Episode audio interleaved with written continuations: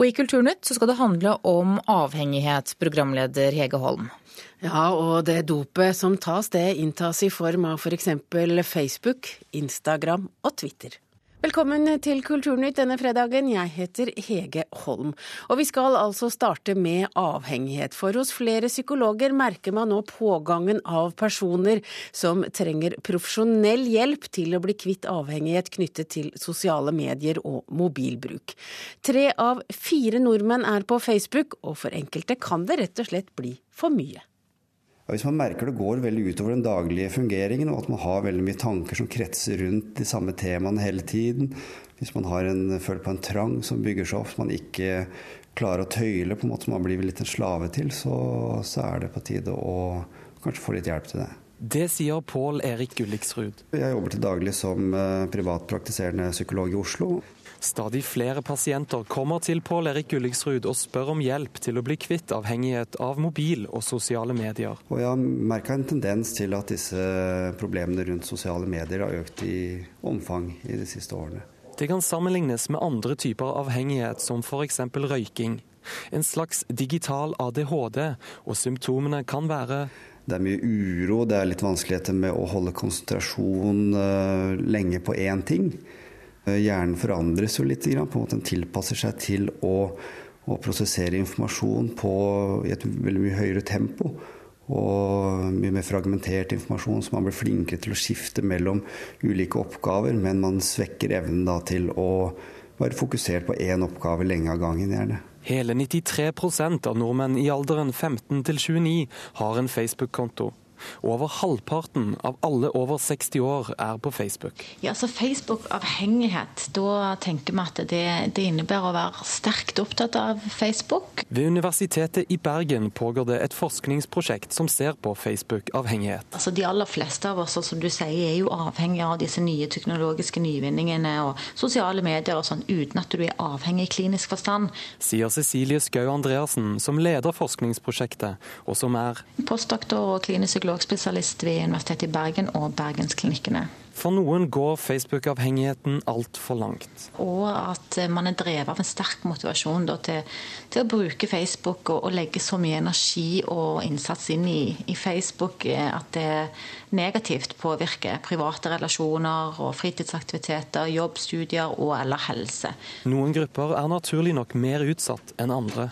Dette er jo veldig populært verktøy i forhold til barn og ungdom og unge voksne. Så vi tenker jo i forhold til dette med skole og skoleprestasjoner, hvis man da f.eks. blir veldig overinvolvert i, i, Facebook, og kanskje også isolerer seg fra alt det andre eh, på den måten. Så det er sånn vi tenker at det er noe som er negativt, eh, og som er overdrevet og tvangs, eh, tvangsmessig i, i formen. Og reporter her var Eivind Våge. Bjørnar Olsen, du er psykolog og du er redaktør for tidsskriftet for Norsk psykologforening. Er dette en jobb for psykologer? Det er i hvert fall psykologer som har mange av de atferdsendringsmodellene som vi kan legge til grunn per i dag. Så det er sikkert med andre grupper som kan mye om dette òg, men eh, det er noen psykologer som har jobbet mye med atferdsendring opp gjennom årene. Så ja, sånn sett er det kanskje vi som gruppe som i hvert fall vil møte dem. Men hva kan psykologer gjøre? I utgangspunktet nå så er jo det, dette er jo nye fenomener for, eh, for oss alle. Altså iPhonen er vel meg bekjent ca. fem år gammel. Og har jo bare vokst sånn stille og rolig inn i livene våre og tatt over mer og mer. Og som andre ting dukker opp og blir problematisk, så må vi jo starte med de modellene vi har. Da, og da er det sånn som eh, den ene psykologen sa, at dette er jo som Kanskje kan vi tenke det på litt som røykavvenningskurs og sånne ting. Og at det, det, er den type kurs eller atferdsendringer vi må gjøre da. Så vi legger rett og slett de gamle psykologiske modellene til grunn, og så får vi se om de må spisses litt mer over tid. Så det er å få folk til rett og slett å ikke, ikke se så ofte på mobiltelefonen, må jo være det som er poenget, da. Altså det, det er, Hvis du skal sammenligne med røyk, mener jeg? Ja, og, det, ja, det, som er så veldig sånn besnærende med disse sosiale mediene, er jo nettopp at de er sosiale. Vi mennesker vi elsker jo å være sosiale. Altså Vi er flokkdyr. Og eh, når du da får et medie hvor du kan liksom sjekke hele tiden den sosiale status, tilhørighet til folkene, så er det veldig lett å ta den fram og ta den fram. Og så har du jo da tilgjengeligheten, særlig her i Norge, da, når du ser 90% er på Facebook. Og vi er vel ikke bare på Facebook på jobb og hjemme. Vi Vi er det jo også når vi beveger oss mellom steder, fordi vi har så god nettdekning. Så vi er jo et høyteknologiland. Men det kan vel føre til depresjon også, for det som du sier, en er eh, ute på sosiale medier hele tiden. Og hvis en ikke får så voldsom respons, så kan jo det slå negativt ut òg? Ja, og, og, kanskje tar det til og med en litt annen form. For det kan se ut til at vi mennesker vi trenger å måtte stå i det vi kaller liksom tette relasjoner, som er litt sånn vanskelig. Altså Familien din kan du ikke logge av. Du kan ikke logge av en kjæreste uten videre. Og Det å stå i det vanskelige, det bygger et litt sånn psykisk immunforsvar. da. Og det ser det ikke til, ut til at nettet gjør på samme måte, så kanskje blir vi litt mer sårbare hvis vi er mye der. Men her har vi også lett eh, lenge etter høna og egget. Da. Er det slik at det folk som har en tendens til å bli mer deprimert og isolere seg, da søker mer ut på nettet? Men det ser ut til at det også kan ha en årsaksvirkning. Er dette noe psykologer er opptatt av? Blir det forsket på temaet? Det blir ikke forsket mye. Det er sånn Hvis du søker internasjonalt nå, så er det faktisk denne bergensgruppen som ser ut til å være ledende. Men det gjøres en del. Men mye av det er jo caseorientert og enkeltstudier. Og, så vi har ikke noe stort uh, kunnskapsfundament foreløpig, men det skjer mye for tiden. Men når vet man at den er avhengig? Det er vel at man begynner å tenke at uh, man begynner å få den uroen på at uh, det er litt sånn både og. Det er igjen litt sånn som røyking. At det har kanskje for mange bare Jeg tror veldig få bestemte seg nå skal jeg bli en røyker. Og så plutselig står man der og er røyker, og kanskje røyker en del år uten å tenke noe særlig over det. Og så begynner man å få litt den tvilen. Er dette bra for meg? Er dette sånn jeg vil ha det? Er dette min måte å leve på? Og når det da begynner å gå utover skole, utover familie, utover nærværet sammen med venner og bekjente, face to face videre, da begynner man kanskje å tenke at dette er problematisk for meg, og da kan man begynne å tenke på om det skal endres. Men for studenter og skoleelever, eh, kan man vise til at det går utover resultatene, denne litt rastløsheten du beskriver? Mm. Det ser sånn ut, men man ser det også veldig godt i jobbsammenheng. Altså det, er bare det å sjekke, hoppe ut og inn av vinduer og Facebook og sånt på jobben, det gjør at vi glipper ut av det vi egentlig skal gjøre. Og da bruker vi ganske lang tid til å hente oss tilbake til den arbeidsoppgaven. Så at uh, Jeg skjønner ikke hva du mener. Nei, ikke akkurat nå. Det var ikke kanskje så bra. Uh, det er uh, rett og slett at når vi driver med e-sak, vi mennesker vi er dårlige til å multitaske. Så at når vi går fra ett vindu, driver med én ting, og så sjekker vi Facebook, så tar det lang tid for oss å komme tilbake til den hovedoppgaven vi var i gang med. Og det, det, merker jeg veldig godt hvis jeg skal sitte og lese, hvis mobiltelefonen ligger ved siden av meg. Jeg heller er elendig til å lese på iPad, fordi det er så lett å sjekke Facebook, så jeg driver ut av teksten hele tiden. Men du, du fortalte meg et eksempel på hva man har begynt å gjøre i USA.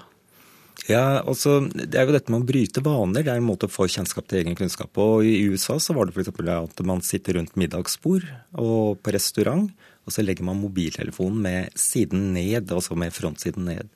Og den første som da tar telefonen eller må sjekke noe, det må også ta regninga.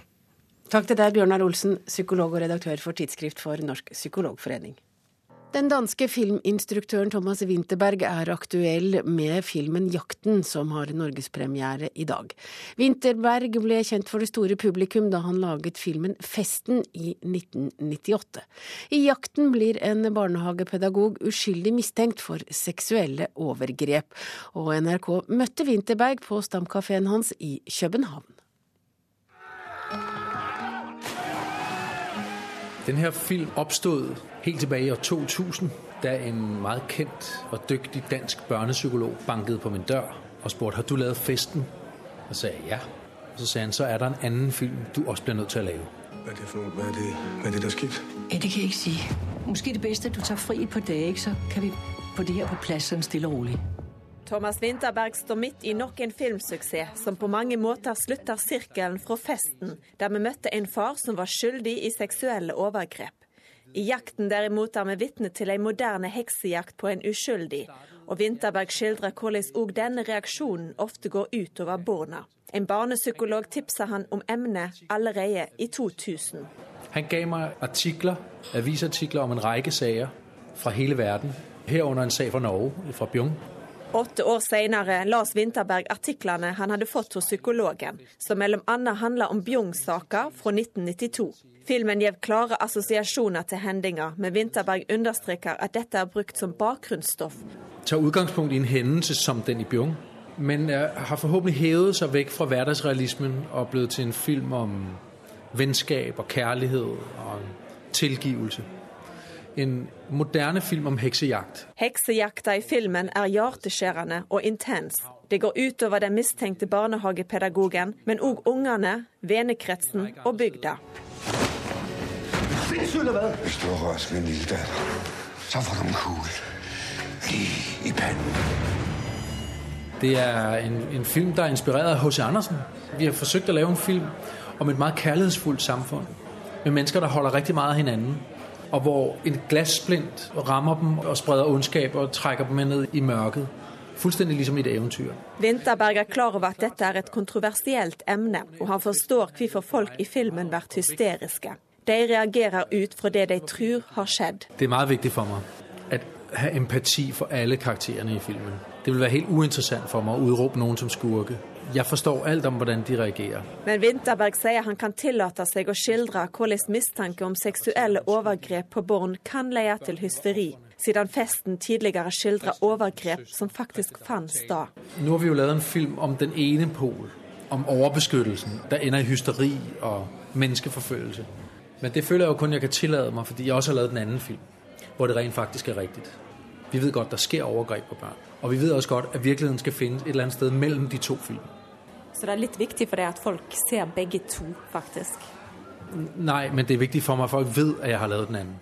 Jakten har høstet internasjonale priser, til dømes i Cannes, og er nominert til en BAFTA, som er den største filmprisen i England. Winterberg er overraska over suksessen. Vi fikk stående ovasjoner og priser og hva som helst i Cannes. Og her hjemme, enda mer overraskende, kommer riktig, riktig mange mennesker i biografen. Og den slår en masse rekorder. og Det kommer bag på meg med sånn et emne. Der må være et eller annet der rører dem. Det må være noe de kan genkende, noe de føler interesse for og nysgerrighed omkring. Ja, og det sa filmmaker Thomas Winterberg til vår reporter i København, Tove Irén Gerhardsen. Men først skal vi høre hvilken musikkform som gir de dårligste konsertopplevelsene. For det er nemlig gjort en ny svensk undersøkelse der publikum er spurt om hva som fungerer best på konsert. Og da kommer det fram at samtidsmusikk er den musikkformen som gir den dårligste opplevelsen. Resultatet av undersøkelsen blir nå brukt av svenske konserthus for å endre på måten man arrangerer konserter. En kritiker har sin faglige bakgrunn, men publikum er jo de som kan si noe om dette er riktig vei. Det er på tide at man lytter til hva de mange som går på konsert har å si, sier Tor Einar Thorvaldsen i Filharmoniens Venner i Oslo. I Skåne har de gått vitenskapelig til verks. I samarbeid med Universitetet i Lund har flere hundre konsertgåere fortalt hva de synes er gode og dårlige konserter. Resultatene av forskningen skal nå endre programmeringen i Helsingborg konserthus. I undersøkelsen ble 400 konsertgåere ved fire forskjellige konserter spurt om hvordan de opplevde musikken, og bedt om å rangere elementer ved konsertene som var viktigst for de. Mens konsertene med klassisk, romantisk og barokkmusikk fikk gjennomgående gode skussmål, trakk musikken til den nålevende komponisten James Macmillan konsertopplevelsen veldig ned. Sier professor Somi Dalgård Park ved Universitetet i Lund. De har spilt uh, noe moderne musikk, yeah. og det var jo ikke uh, publikums uh, forventning. Så det ser ut til at det, det var ikke så godt. Også oslofolk foretrekker at musikken de hører på skal være gammel og velkjent. Jeg syns jo det er veldig hyggelig når jeg også hører musikk som jeg kjenner litt. Sånn som Grieg i dag, f.eks. Og også Mozart.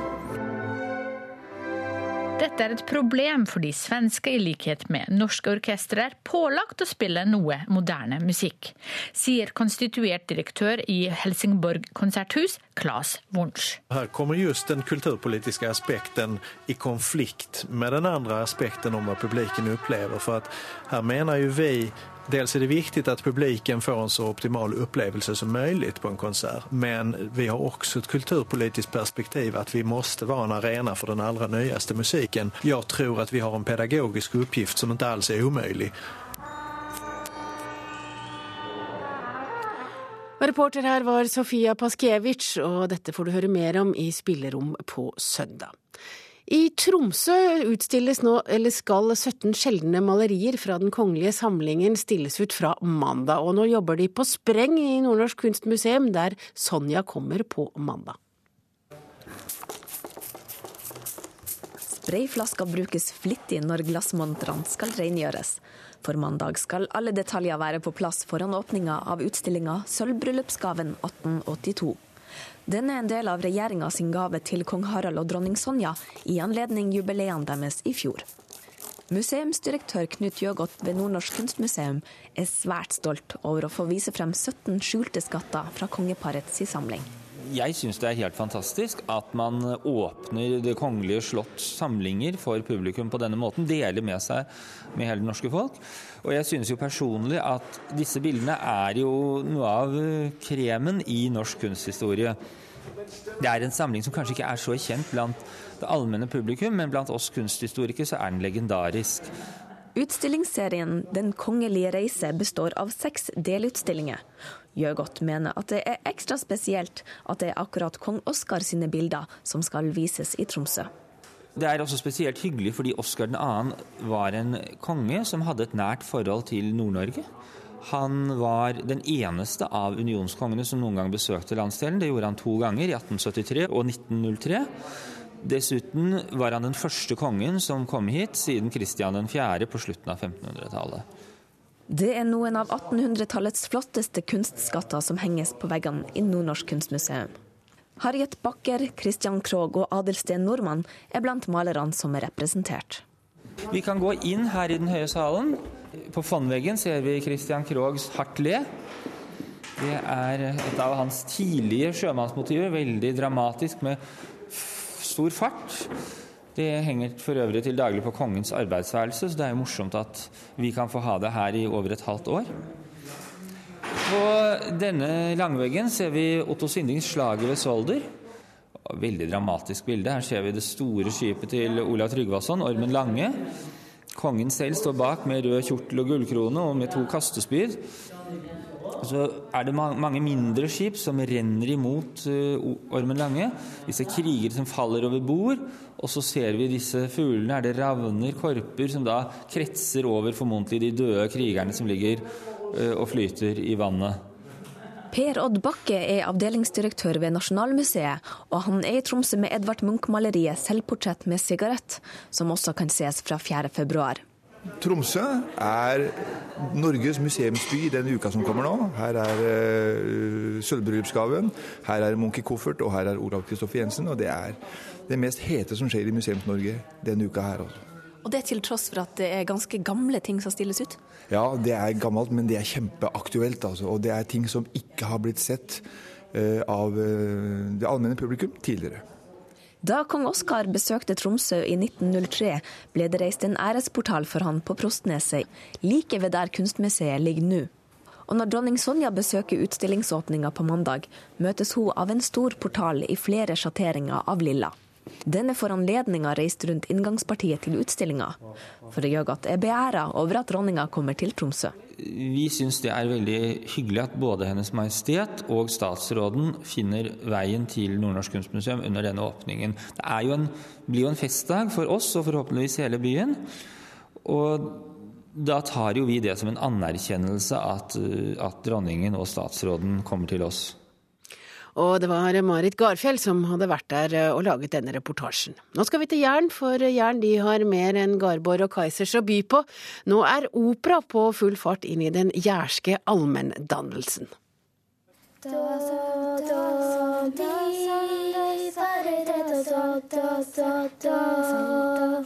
Nærmere 40 barn fra kulturskolene i Hå og Klepp har reist fra Jæren og inn til Stavanger.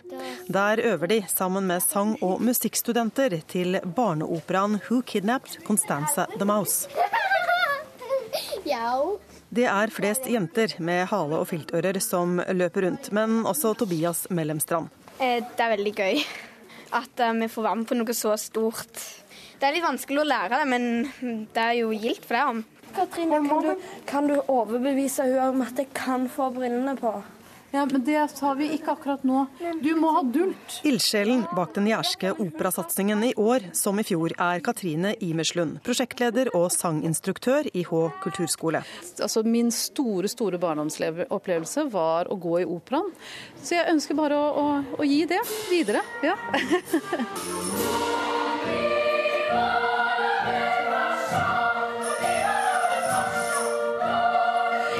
det de gjør blir stort. Altså den fysiske bevegelsen, teknikken må være på plass, innlevelsen må være stor, uttrykket må være stort. Og det gjør at de på en måte må strekke seg mye mer. Jeg tror det er veldig sunt for dem. De kommer mer i kontakt med sitt følelsesapparat. I sin kropp blir de mer til stede, og de må rett og slett strekke seg mer. Og det tror jeg også er en bra ting.